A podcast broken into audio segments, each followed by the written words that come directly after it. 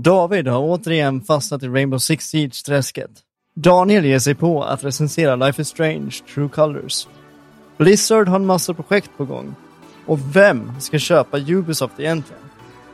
Allt detta och mycket mer får ni reda på i veckans avsnitt. Häng med!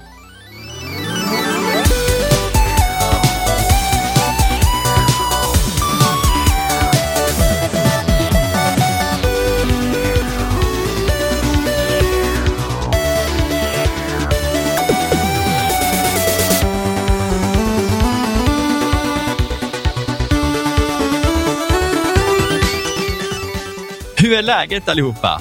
Välkommen till ännu ett avsnitt av Allt under kontroll. Podden där inget är under kontroll och er källa till nyheter, spelreviews och underhållning varje lördag. Jag är David Sjöqvist och med mig har jag min co-host Daniel Jesaja Sjöqvist. Och den här säsongen, den är sponsrad av Mr P. Det är sant det han säger. Hej du! Hej där!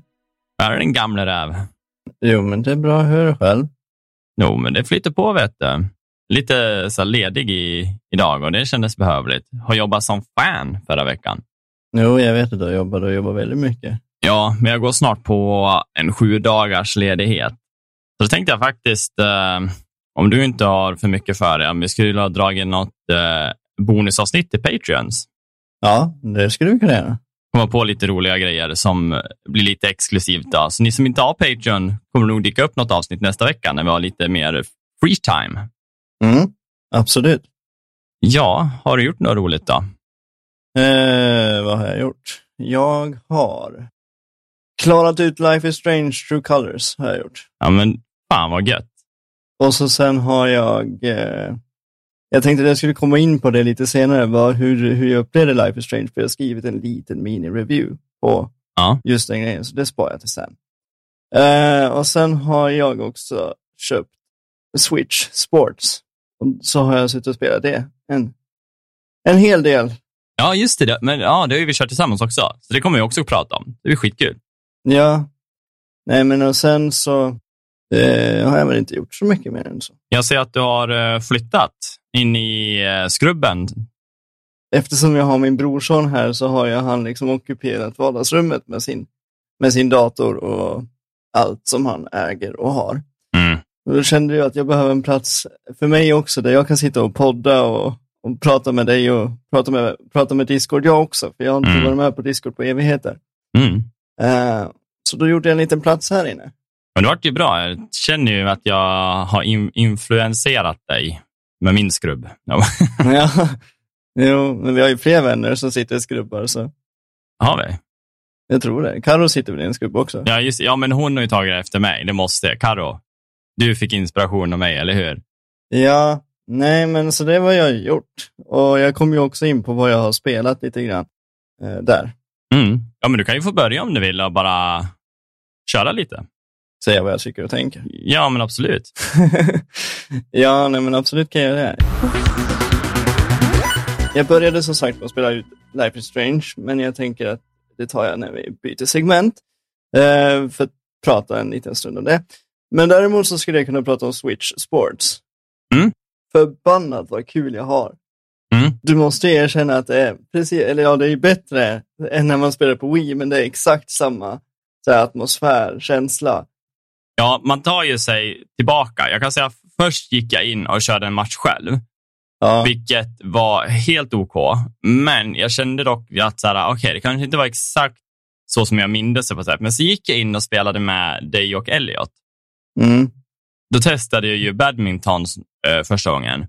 De första gångerna kändes lite så här, okej, det här slaget var okej. Liksom så här, det, var, det funkar. Men sen när vi började köra och började känna att matchen var så jävla jämn. Och så började man märka att det finns mer till det. Det är inte bara att liksom, oh, du slår på bollen och allt är samma. Nej, men det har ju höger, vänster och så kommer de bollen i olika typer av färger baserat på om du kan göra en smash, om du kan göra en långboll.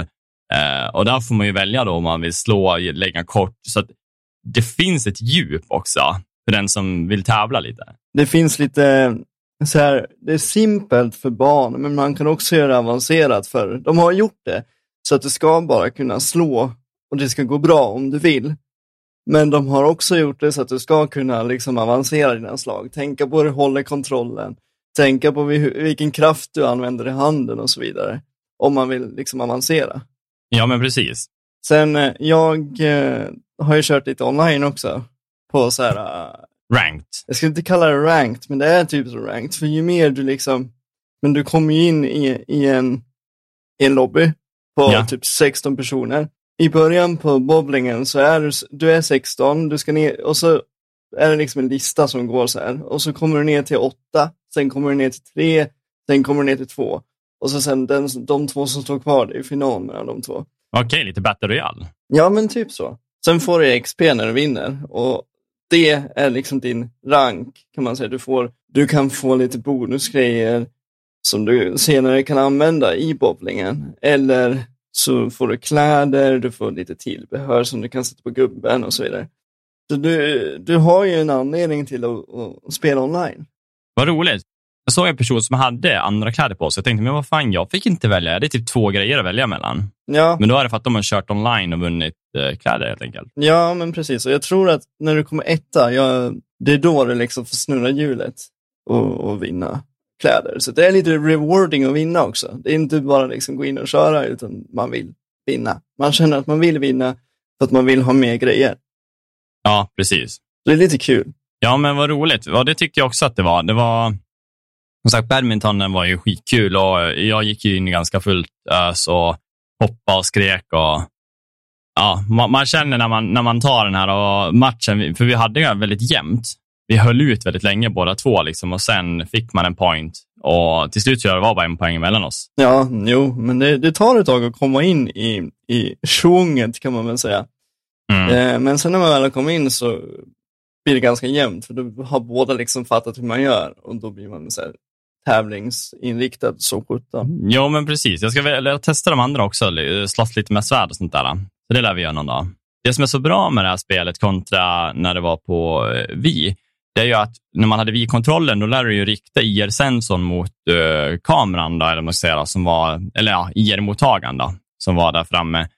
Uh, och Problemet då är ju att du kunde lätt tappa kontakten när det var fumligt med de här, alltså när du slogs med svärd och även spela eh, tennisram, tyckte jag. Mm. Eh, men nu märker man ju på grund av att gyrotekniken är i själva doserna och det har ingenting med någon annan grej att göra, så känner ni av exakt hur du vinklar och rör dig. Ja, men precis. Du ställer ju dig där du vill vara, sen trycker du på en knapp så är det liksom synkroniserad med både position och kontroll. Det är smidigt och bra. Ja, men jag tycker det. Och som sagt, vi får köra lite mer sen, men eh, du hade kört något annat spel, men det kanske vi vill ta efter då? Uh, Life is Strange, ja. Ja, jag tänkte att jag skulle ta det i ett uh, separat segment. Ja, precis. Men uh, då hoppar jag väl in då? Ja, gör det. Min vecka har väl inte varit så, här, så mycket kampanjspel alls.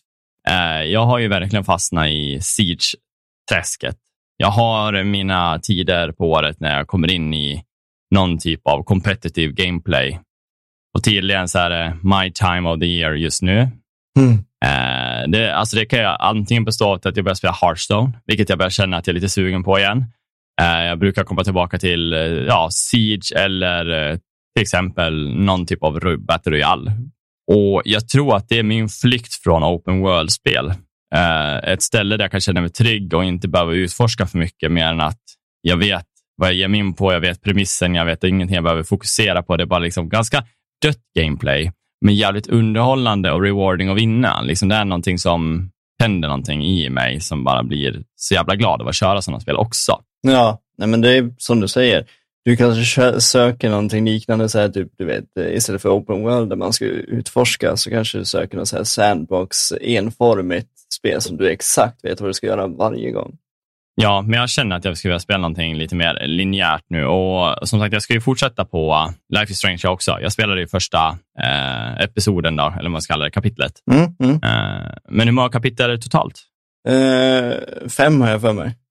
Ja, men då är det inte så farligt. Då är det ungefär två timmar per och jag tänka mig ungefär som jag tog första på. Ja, så det tog, tog sex timmar för mig att klara ut det. Oj. Ja, men roligt. Och det är ju, det är ju också ett väldigt linjärt spel. Alltså du vet exakt egentligen vad du ska göra. Det finns lite collectibles att hämta här och var. Mm. Men det är inte en stor värld du måste gå och leta i, det är ju en, sandlåda. Ja, men precis. Nej, men det var roligt. Och jag ska väl som sagt försöka sätta mig in nästa vecka, så något lite mer att lyssna på. Men jag har även sett sista avsnittet av eh, säsongsavslutningen av, av, av, av eh, vad heter den då? Moon Knight. Ja, just det. Det gjorde jag igår. Ja, den var bra. Riktigt bra var den. Jag eh, tycker det var coolt. Jag har ju inte läst serietidningarna och så spoila någonting, men jag vart faktiskt lite så här, oh shit, liksom i slutet så här, what the heck? Och det, det slog mig att man har ju fått lite hints av att det där skulle kunna vara möjligt, men man kanske inte har kopplat det. Nej. Förrän då. Man bara, ah. Jag tror jag, vet, jag tror jag vet vad du syftar på faktiskt. Sen vart man lite förvirrad i vissa punkter, kan jag tycka, men på ett bra sätt. Inte så att det vart jobbigt, utan det vart så här, vad händer nu? Du vet så här. Mm. Ja, men de, de, har ett bra sätt i den här serien att inbjuda komedi, liksom på ett väldigt fånigt sätt, men samtidigt hålla det ganska mörkt. Ja, men det är som förra avsnittet, när han eh, hamnade i sin, eh, vad ska man säga, drömvärld, där han fick gå igenom sitt liv, hur det var och varför de, de båda finns. Ja. Det var faktiskt väldigt, väldigt känsligt och jag kände liksom att eh, det var lite jobbigt att titta på för att jag trodde det kändes så här emotionellt. Mm. Ja, men de träffar en punkt där faktiskt, det håller jag med om. Och sen så bryter de liksom av med komedi bara sådär helt plötsligt.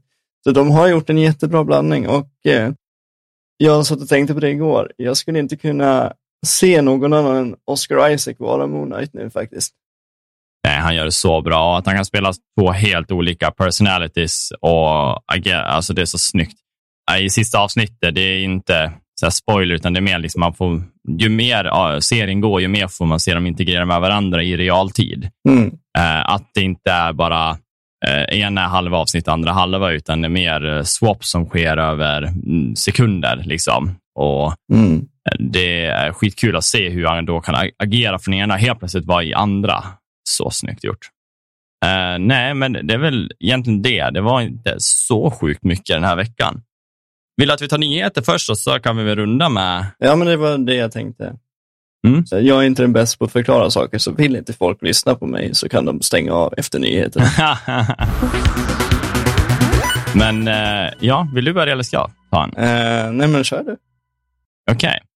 Då hoppar vi till uh, mobilspel igen, som vi pratade lite om förra veckan. Och uh, Det är återigen ett uh, Blizzard, eller Activision Blizzard-spel som kommer. Som de har releasat, då, som har med Warcraft-serien att göra. Då, som kommer då kallas Warcraft Arclight Rumble. Mm. ser otroligt gulligt ut om jag ska vara ärlig. Alltså, det ser så jävla cartoonigt och uh, ja, det, det, gränsen till så här barnsligt, men på ett roligt sätt som att även jag som vuxen kommer vilja köra det här. Mm. Uh, det är ju både single player, du kan spela mot vänner i både med co-op och PVP. Du kommer spela som ett gäng olika hjältar. Ungefär, om ni tänker som ett uh, tower defense, men jag skulle kanske mer kalla det för tower offense du skickar gubbar och heroes i, en, i lanes eller för att liksom klara av fiender framåt och ta ner deras torn. Liksom och, ja, ta det vidare i banorna. Det är så jag förstår det. Man har inte fått så jävla mycket. Det är en liten trailer som var skithärlig, asskön musik och man bara kände att det kan vara kul att spela. Du kommer spela med olika grupper. Du kan vara Alliance, du kan vara Hordes, du kan vara Beast, eh, Black Rock och Undead kan man vara. Uh, och otroligt mycket uppdrag du kan göra liksom, i missions och uh, armén levlar upp eh, ju mer du kör liksom, i stats. Då, eller om det är att du kan uppgradera gubben så det blir en level 2, liksom, lite som Tower Defense. I det, den. Så det är askul. Det stod inget datum när det kommer, men jag tror att man kan förreg förregistrera sig om man vill uh, kunna få spela lite innan. I alla fall för Android. Jag tror inte iOS har den möjligheten. Mm. Men eh, de har grejer på gång. De har mycket på gång. Först har de ju nya WoW-expansionen, Dragonflight eller vad den kommer heta. De håller också på att tänka sig öppna upp Classic eh, Lich King igen.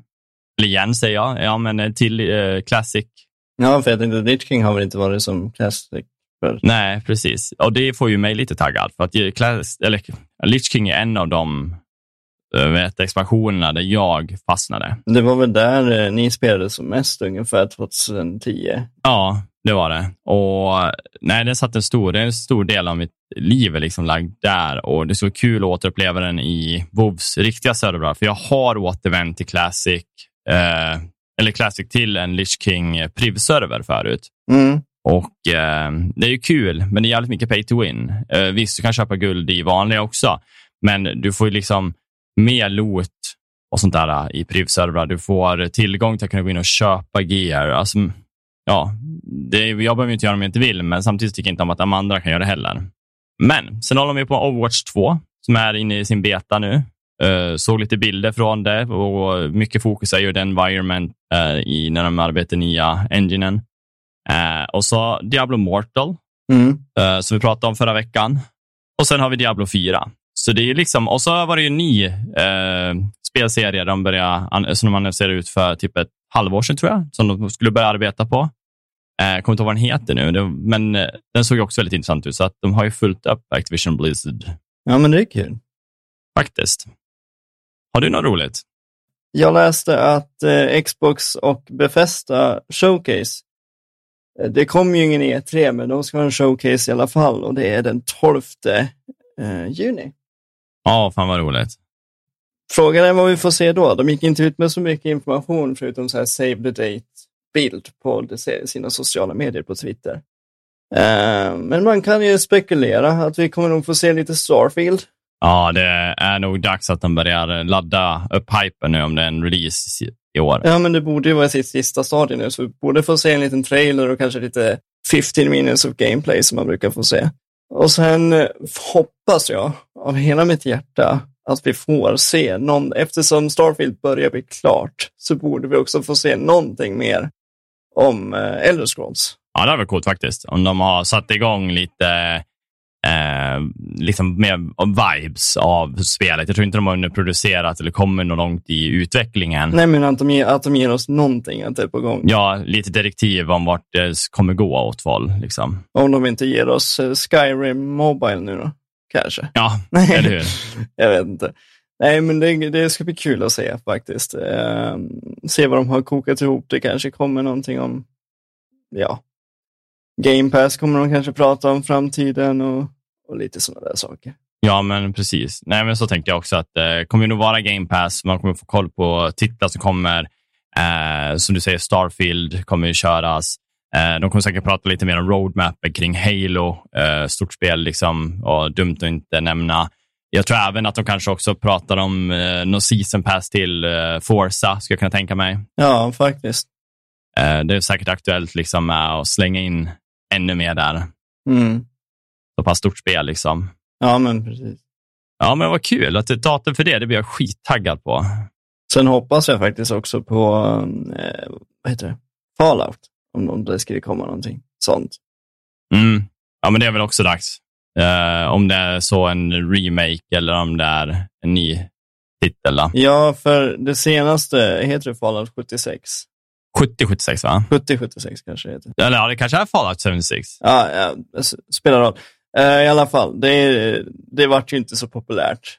Uh, inte lika populärt som när Fallout 4 kom. Så det är dags att de försöker göra igen. Försöker nytt. Ja, men 76 var ändå en, en annan approach mot från tidigare som skulle vara liksom både online i en sån värld, liksom, där man ska bygga bas, base building på ett annat sätt. Mm. Eh, men istället så, jag har ju liksom varit inne och skummat på Fallout 76 mycket och gillar att läsa kommentarerna där och det ser ut som att det är ju ett spel som eh, inte gör en hel omvändning, men lite emot, eh, vad heter det, rymdspelet då, som eh, vi brukar prata om. då.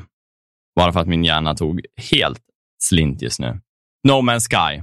Ja, nej men inte kanske en lika, men de har verkligen uppdaterat spelet och spelarbasen verkar ju vara nöjda med det de får eh, i stor del. Mm. Så att eh, jättekul att se när företag då lyckas vända någonting som fick så dåliga reviews i början. Ja, men det är ju också för att de väljer att lyssna på communityn och inte sväljer sin egen stolthet och säger det här är ett bra spel, utan de tar till sig, de lyssnar och de gör vad de kan.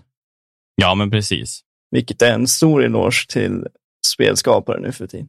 det kan ju vara det är både och det där. Ibland kan jag tycka att communityn har för mycket makt. Ibland kan jag tycka att eh, de, inte, alltså att de bör, lyssna på communityn också. Ja, men alltså det handlar väl om att eh, typ så här, lyssna på communityn men ta inte åt er för mycket.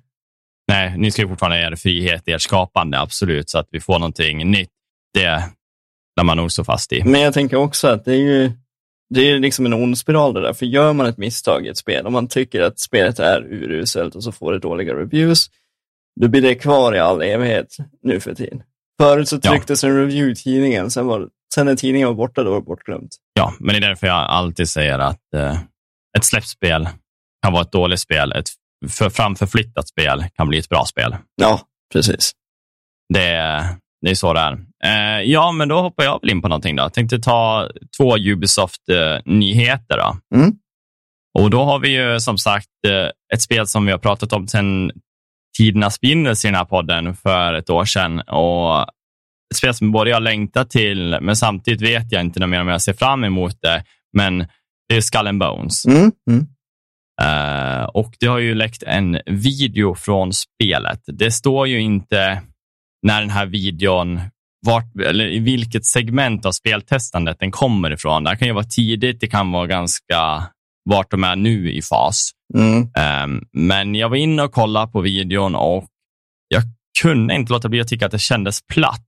Jag får ju inte känslan jag vill ha. Det, jag fick med liksom där man kommer vara en crew, man kommer, alla kommer springa runt i sina uppgifter. Här kändes det liksom som att okay, du står och styr skeppet. Du kommer använda snabbknappar för att hoppa mellan dina, din besättning och sätta dem på de kanoner du vill ha. Men då går alla till högra sidan typ och så laddar de kanoner och så siktar du in i first person och typ vinklar dina kanoner och skjuter. Eh, jag tyckte att rörelsen var väldigt, ja ordet platt får jag använda igen. Jag, eh, liksom så här, det kändes som att alla segel och sånt där var det, det var inte så snyggt helt enkelt. Jag tycker Eh, jag hade förväntat mig typ så här, Sea of Thieves i modern grafik, inte så här cartoonigt, utan den känslan med tyngden. För det är någonting Sea of Thieves lyckas med. Det är, du känns som du är på havet. Det känns som att se seglarna, du ser vinden. Du, du får verkligen att det är jag och havet. Jag tyckte inte det här, även fast det ser coolt ut. Men jag vet ju inte när den här videon är läckt ifrån, vilket segment i spelet. Det här kan ju uppdateras hur mycket som helst sedan dess. Mm, ja, men precis. Kul att få se en video och eh, vi pratade om det förut och om jag inte missminner mig så tror jag är eh, april 2023 var väl datumet vi sa då eh, var tanken för en release. Då. Så att ett år, eller lite mindre, men typ ett år. Ja, jo. Det kan ju ta mig in på andra då och vi har ju haft det finns ett spel som heter Prince of Persia och det har ju varit en väldigt omtyckt serie jag tänkte säga att det är kanske inspirationen till Assassin's Creed på något sätt, alltså där i movement, rörelse. Assassin's Creed skulle vara ett Prince of Persia från början. Okej, okay, ja. Tills de bytte bana.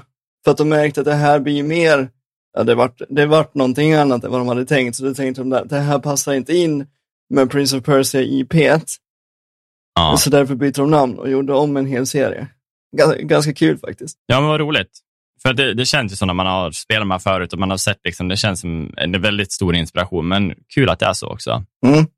Uh, ja, men det är ju ett uh, Prince of Persia remake som är på gång, The Sand of Time.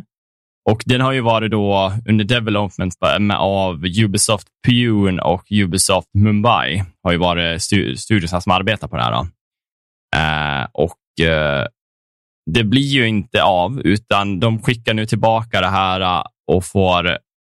Det ska ju vara Ubisoft Montreal som får hantera remaken och det är ju de som skapar det här från början. Mm. Så jag tror det kan vara ganska roligt också och bra. Nu vet jag inte om det sitter några gamla veteraner som har gjort det här, men eh, det är ändå nice att det får gå tillbaka till Origins, alltså studio. Då. Mm. Och pratar man liksom en remake så då kan de ju göra om det hur mycket som helst. Och ser vi liksom hur långt Assassin's Creed har kommit så tror jag att eh, det kan vara coolt att få återuppleva Prince of Persia-historien, eh, eh, då den är inte är lika öppen värld. Men den har en eh, snygg liksom, vad ska man säga, höjd att du kan ta dig och parkoura och röra dig på samma sätt. Liksom. Jag tror att det kommer passa mig in bättre, för att jag har velat spela Assassin's Creed sen jag körde ettan, men jag har alltid låtit det bli för att jag tycker att open worlds kan bli lite mycket för mig. Mm. Ja, jag förstår det. Men det ser jag fram emot och de skriver ut en liten tweet där det står Hello, Prince of Persia fans. The, the, the development of Prince of Persia Sand of Times remake will now be led by Ubisoft Montreal, the very birthplace of the epic Sands of Time trilogy. This decision is an important step and the team building upon work achieved by the Pune and Ubisoft Mumbai will now take time they need and regroup on the scope of the game to deliver your best experience for this remake of an all time classic when it's ready. Eh, De har ju inga datum eller någonting, utan nu blir det här framförskjutet. Det var väl tanken att det skulle släppas 2022, tror jag, från grund för när de pratade om det. Ja, Men eh, det här tror jag inte vi ser i liv förrän 2024, 2025 faktiskt, om jag ska vara ärlig, om det är en takeover för en annan studio som ska arbeta med det. det får komma när det kommer. Jag, jag känner ingen brådska. Nej, det är inget spel som bara känns, åh, det måste jag, men samtidigt så ska, det är kul att de gör om det och jag tror att det är ett spel som kommer passa mig bra. Ja, det var ju väldigt uppskattat när det kom till, eh, var det Playstation 2 det kom till senast? Det kommer någonting vid då, ja. Eh, ja, jag har ju en till nyhet. Vi pratade lite om Ubisoft och eh, som sagt deras tänkta, eh, om att bli, inte bli uppköpta, men att det spekuleras kring och att Bloomberg och de har lagt ut då, liksom att det finns intressanta aktörer som vill köpa Ubisoft. Mm. Eh, och jag sa ju då att Embracer Group hade ju kunnat köpt upp studion som ett litet, alltså så här skämt, de är ju på en så jäkla shopping spree just nu och köper upp typ det mesta som de får tag i. Oftast mindre studios. Ja, Eh, nu tyckte jag det var lite roligt, för nu har ju Embracer Group då, med Lars Wingefors, våran egna svenska stor, stora plånbok, gått in och köpt eh, Eidos, Crystal Dynamics och eh, Square Enix Montreal oj. för 3 miljarder kronor, då, eller 300 miljoner dollar. Mhm. Vilket är ganska lite när vi pratar om uppköp som var sett tidigare. Eh, av till exempel Destiny då, som låg lite högre och så har vi ju Activision Blizzard som var väldigt mycket högre. Mm. Så är det ju inte en stor summa där inte. Eh, men eh, de tar ju då över som sagt eh, spel som till exempel Deus Ex, Tomb Raider kommer de under sina vingar. Mm. Legacy of Kane och många, många fler. Det finns titlar som de inte får med sig som har varit under de här studioserna. Och det är, studio, det är tit, eller, ja, titlar, spel som de väljer att hålla kvar, då Square Enix. Och det är Just Cause-serien får de inte. Eh, de ger inte heller bort Life is Strange. Nej. Och de spar också Outriders, uh, vilket man förstår, det är ett live service-spel. De laddar in pengar, alltså Outriders. Då. Mm. Eh, Så de tar de inte, får de inte med sig för att de här spel eller studier som de har köpt har ju väldigt västerländsk stil mot för vad Square Enix annars går. Så att de säljer väl bort lite nu och vi har ju pratat om det förut att det har ju funnits spekulationer kring ett uppköp från Sony att de då kanske ska köpa till exempel Square Enix. Mm. Det här kan ju vara liksom att de bantar av lite av sina mindre värda speltitlar eller får ut mer pengar av att sälja av lite smått och sen säljer de sig som stor helhet till någon aktör, då. till exempel Xbox eh, då, eller Sony.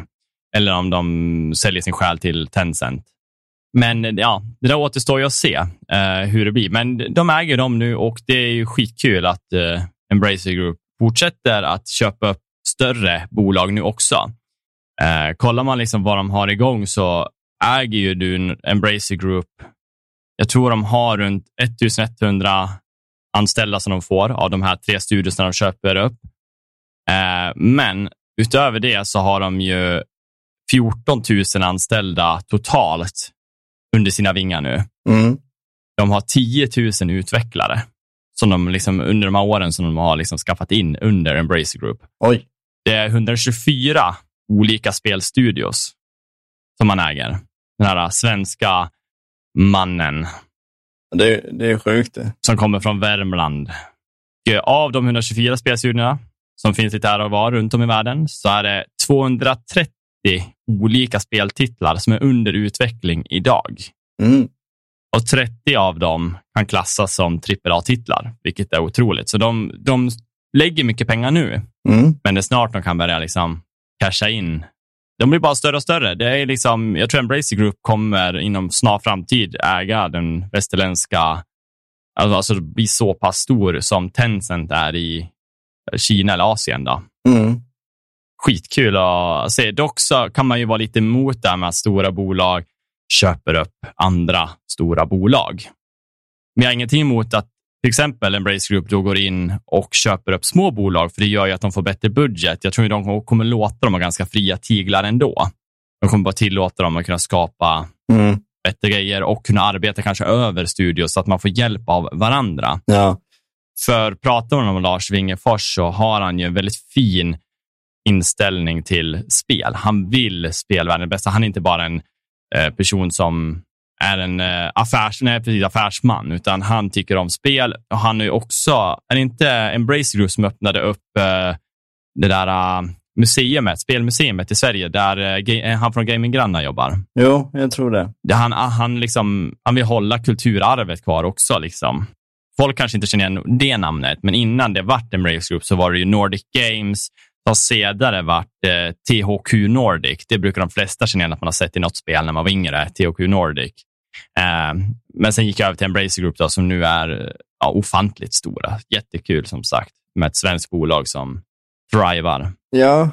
Och då kan du ge den sista, på tal om svensk. Det är jag. Nej, jag skojar. Nej, men vi har ju våran eh, spelregissör, då, eh, Mattias Engström, som är ja, vad ska jag säga, game director för Hitman 3 Mm. på IO Interactive. Har nu blivit värvad av eh, ja, vet du, det, Crisis-familjen. Så att han är med i Crytek och ska skapa det nya eh, fjärde då, installation, eller installment av Crisis. Det blir ju skitkul. Hitman 3 som har fått så jäkla bra betyg och är ett väldigt fint och polished spel. Så tror jag att, att han går över till den spelserien, det kommer ju vara skitkul att se vad han kan åstadkomma där. Mm. Eh, för Crisis har ju, det var ju egentligen bäst på, för, första spelet var bäst. Det tyckte jag var skitkul. Tvåan och trean var lite meh. Och så kom ju nya, vet remasters och, ja, var det en remake? Nej, det var remasters. Ja, det var en remaster tror jag. Ja, och de har ju inte fått så här jättebra betyg. Alltså det är liksom, det är en remaster, den är okej. det är liksom, och för må- mycket av det var inte ens spelbart, för folk hade inte datorerna som klarade av att punga ut vad som var Nej. bästa grafiken om man säger så. Så det är en jävla fin, det är ju en fin grej ändå att man så, här, så pass bra grafik i ett gammalt spel som gör att det är tungt även för våra datorer idag. Mm.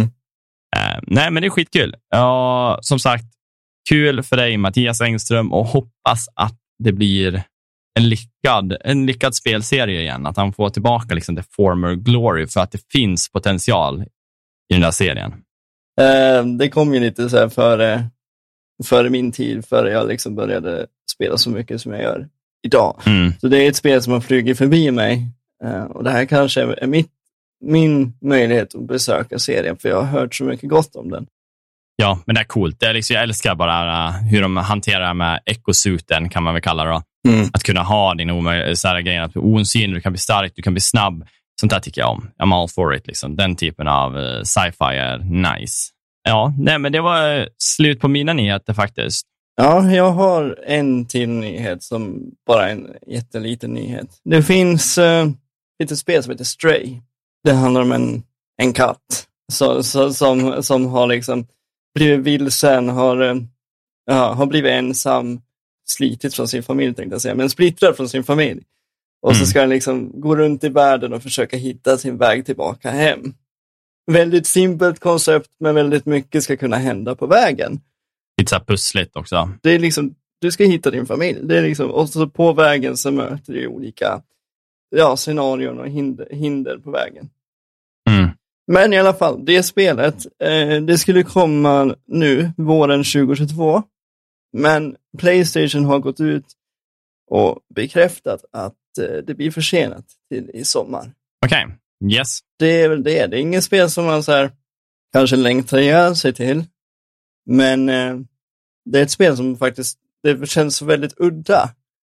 Att man liksom spelar, vad kan man göra som katt liksom? Ja, nej, men de kommer nog satsa på själva motoriken. De det är därför de skjuter på det, för att vi ska få den ultimata kattupplevelsen. Det här är grejer, det går inte att... Ja men typ som att du ska känna att det är du som är katten.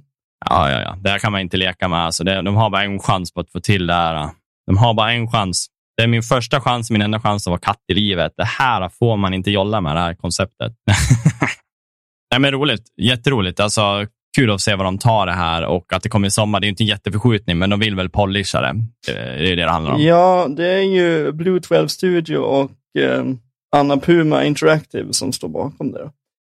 Jaha. Anna Puma vet jag inte vilka det är riktigt. Blue 12 Studio har jag ju hört talas om, men Anna Puma det, det är deras utgivare.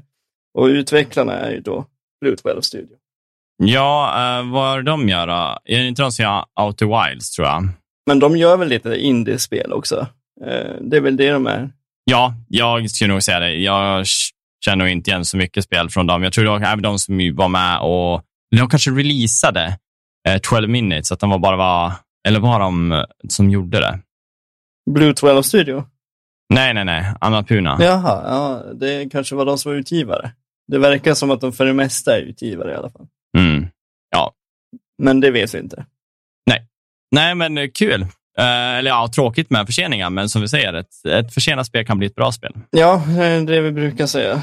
Det ska vi trycka upp på t-shirtar, tänker jag. ja, men det är fan legit. Men eh, ja, nu kan vi gå in i vårt eh, segment som kommer komma ibland.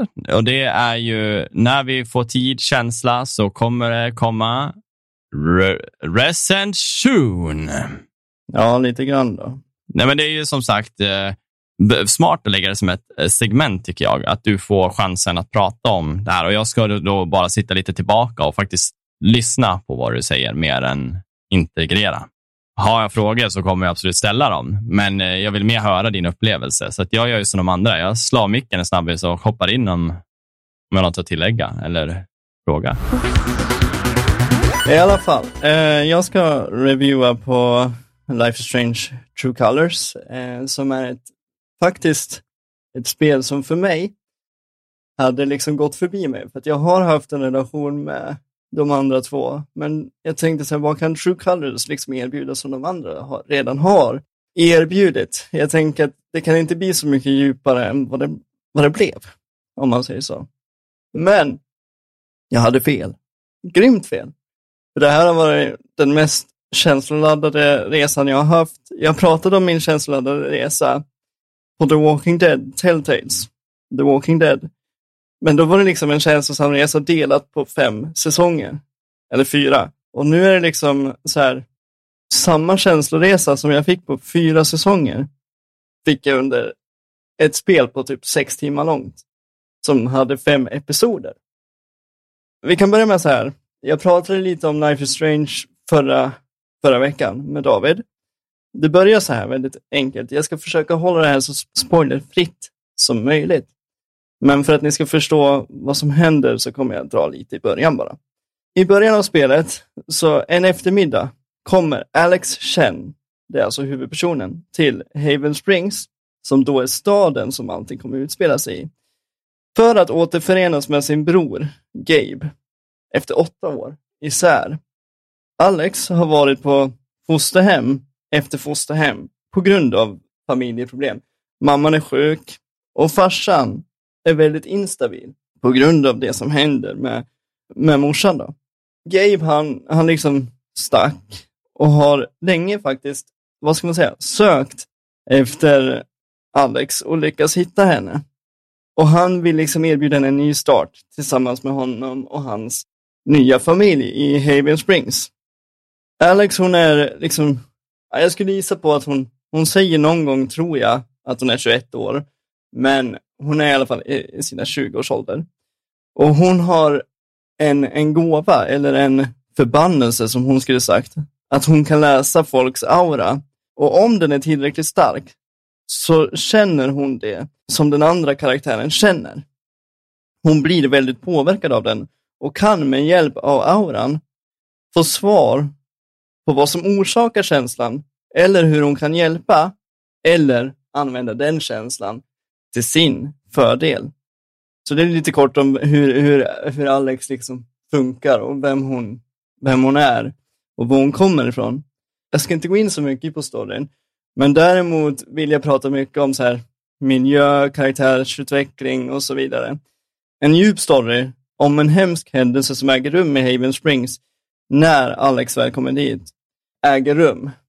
Och vad det är för händelse och hur det påverkar liksom staden och så, det tänker jag inte liksom gå in på, utan det är någonting ni får uppleva själv. Men under stadens gång så får du en riktig emotionell berg och dalbana hela vägen. Glädje, sorg, skratt, eh, kärlek, hur Alex handskas med det hon har levt med. Psykisk ohälsa, otillräcklighet, känslan att vara oönskad, eh, Eh, hennes liksom gåvor hon har. Och men, men hur de liksom har setts som en förbannelse från hennes ögon. Och hur hon nu liksom, hon har fått en chans att börja om i Haven Springs med sin bror och hans familj. Nu när hon har levt med psykisk ohälsa och otillräcklighet och inte var önskad någonstans, att hon nu faktiskt har en chans att börja om någonstans. En chans där hon får växa och hitta sig själv och där hon kan få vänner och en familj. Sen drar ju storyn igång, som sagt. Allt det här får du liksom reda på under tiden du spelar. Ja, men hur hon handskas med allting. Hur, vad hon har varit med om.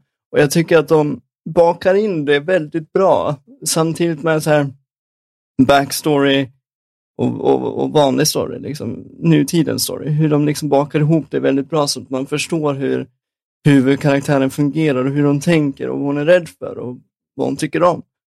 Det blir som att du får ett emotionellt band till henne. Det första man slås av, skulle jag säga, det är liksom atmosfären, eh, grafiken, musiken. Jag skulle säga att den ger en varm och faktiskt varm och trygg och mysig känsla. Och sen liksom hur du, hur du bygger relationer. Hur spelet får dig att känna att det är du som skapar vem huvudkaraktären är, vem Alex är. Och med det menar jag liksom alla val du gör, hur du agerar i dialoger med andra karaktärer och så vidare. Att de har liksom fått in den känslan att det, det, är ingen som liksom manipulerar dig i spelet för att göra de här valen, utan det är du som gör dem själv. Om ni förstår vad jag menar. Ett nytt kapitel eh, betyder då alltså, det är fem kapitel. Och varje kapitel tar ungefär en och en halv, två timmar. Det kan ta två och en halv timme också, beroende på hur noga du går igenom, går igenom dem med collectibles och så vidare. Ett nytt kapitel betyder också, eh, i varje kapitel finns x antal dialoger med x antal människor. Och ett nytt kapitel betyder då nya dialoger som skapar djupare relationer med invånarna. Nästan så att det känns som att du känner dem jag kunde liksom finna mig själv att jag tänkte så här, när jag gick på Havens gator då, och tittade runt, så kunde jag gå in i en, en, i en affär.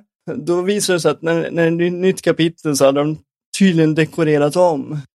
Då kunde jag liksom känna att, inte så här, gud vad fint spelskaparna har gjort det, utan det var mer så här, gud vad fint hon har gjort det, alltså hon som jobbar i butiken. Kunde jag liksom få mig själv att känna som att jag hade en relation tillsammans med henne eller honom som jag liksom bemött. Jag har liksom lärt mig hur hon fungerar, hur, hur, eller hur den karaktären fungerar, hur den karaktären tänker och hur den karaktären är. Det finns också möjlighet för jättemycket faktiskt fördjupning i spelet. Det är inte bara en Spelet utspelar sig i en, en sandbox. Du, du liksom, hela Havens gator är bara en, en raksträcka. Det finns hus på vänster sida, hus på höger sida. Mer kan du liksom inte gå det finns väldigt mycket faktiskt fördjupning i spelet. Som att du kan, du kan hitta saker och du kan också läsa av deras aura. Och genom auran av den grejen du hittar, det kan vara en jacka, det kan vara en skylt, det kan vara glasögon, det kan vara vad som helst. Men märker du att du kan läsa av auran på den, så kan du få upp ett minne som tillhör någon av karaktärerna. Vilket då kan ge dig att du låser upp en dialog till den karaktären för att också lära känna den karaktären mer. Du kan också läsa på MyWall. MyWall är då deras eh, typ kopia av Facebook. Det är där de liksom skriver sina statusuppdateringar, skriver vad som händer i Haven Springs eh, och så vidare. Och då, jag rekommenderar att man läser dem, för att eh, efter varje kapitel Och ibland i mitten av kapitlen och slutet av kapitlen så finns den där, finns den där liksom väggen på, på telefonen. Och då får du också lära känna karaktärerna. Eh, och du kan låsa upp dialoger som, som du sen kan använda till din, till din fördel så att säga. Eller nackdel, det beror på hur du väljer att spela dem. Eh, ett, ett tips jag har, det är också att eh, samtidigt som du har MyWall, som alla kan se i, i Haven Springs, så har du också en mobiltelefon och i mobiltelefonen finns vanligtvis sms där du pratar personligen med dina, med dina med de kontakter, relationer som du har byggt upp. Liksom. Jag rekommenderar att i början av varje kapitel så har liksom den sms-konversationerna har fyllts på med grejer som har hänt emellan kapitlerna. Så mellan kapitel 1 och 2 har listan fyllts på. Mellan kapitel 2 och 3 har listan fyllts på så fortsätter det sådär. Vill man liksom veta vad som händer emellan kapitlerna, för det, det är ett tag emellan varje kapitel, det är inte så att det bara fortsätter där får vi sluta, utan hon har liksom hunnit kapitel 1, då stationerar hon sig i staden och, och liksom, ja, börja leva där. I kapitel 2, då har hon bott där ett tag, byggt relationer. Och vad har hänt däremellan? Jo, det kan du få veta i, i smsen. Så jag rekommenderar att man läser smsen för att få lite djupare eh, story, lite djupare relation, vad, vad hon tänker, vad hon vill prata om och, och sådär. Och det speglar också, också väldigt mycket den relationen som du väljer att du vill bygga med människor. Nu har jag egentligen pratat om hur fantastiskt jag tycker spelet är, men vad vill jag då? Vad skulle jag vilja ändra om jag fick välja? Egentligen är det inte så mycket, för jag tyckte storyn var fantastisk eh, och det är en story jag rekommenderar att alla ska uppleva, som sagt. Det är en väldigt emotionell berg och med relationer du bygger upp, med karaktärer du träffar, eh, saker du gör, saker du hittar, sms du läser. Allting leder till en väldigt bra spelupplevelse. Då, det enda jag liksom har att klaga på vad som jag skulle vilja ha, det är som sagt, jag nämnde ju att eh, sandboxen var lite trång. Det fanns hus på vänster sida, sida hus på höger sida och du gick på en rak sträcka. Så det var typ den lilla byn som fanns, eller det fanns mer bakom den lilla byn, men det var den du liksom kunde utforska. Jag hade väl önskat att inte ett open world, men att, att sandboxen bara hade utvidgats lite. Så att man liksom kunde gå runt, så att inte allting bara var på en rak sträcka. Det var ingenting som förstörde spelupplevelsen, utan det är bara ett önsketänkande, men spelet var underbart oavsett. Jag rekommenderar alla som har Game Pass precis just nu, för det finns gratis på Game Pass. Testa första kapitlet. Om ni tycker om ett bra storybaserat spel som inte är så här att du måste gå och leta saker, utan allting är väldigt så här straightforward och du har möjlighet att fördjupa dig om du vill. Då är det här ett spel för dig. Om du inte liksom, vi säger att du har en helg, och har lite tid att döda. Då är de här sex timmarna värt Life is Strange. Jag skulle nog, eh, jag sätter betyg på Life is Strange som eh, 9 av 10 faktiskt. Det är bra. Jävligt högt. Så det, det var liksom min mini-review och jag hoppas att ni är kvar och har lyssnat. Och att jag har förklarat bra. jag tycker det var jättebra. Och någonting som jag också håller med om, som, jag, som du nämnde, och det är hur viktigt det är, även för er om, som nu väljer att spela första kapitlet, eh, då det bara tar cirka en till en och en halv timme ungefär. Eh, läs MyWallen, exakt som Daniel förklarar i det här, för att det gjorde jag också. Jag tog mig tid att öppna upp sms, för det är inte logiskt. De förklarar inte det helt i början att du kan göra. Läsa, alltså att det finns konversationer som har skett innan du flyttade dit också. Konversationer med folk du har känt eller tappat kontakten med, psykolog, eh, you name it. Så det finns ju MyWall och sen finns det sms från tiden innan du kommer till Haven Springs.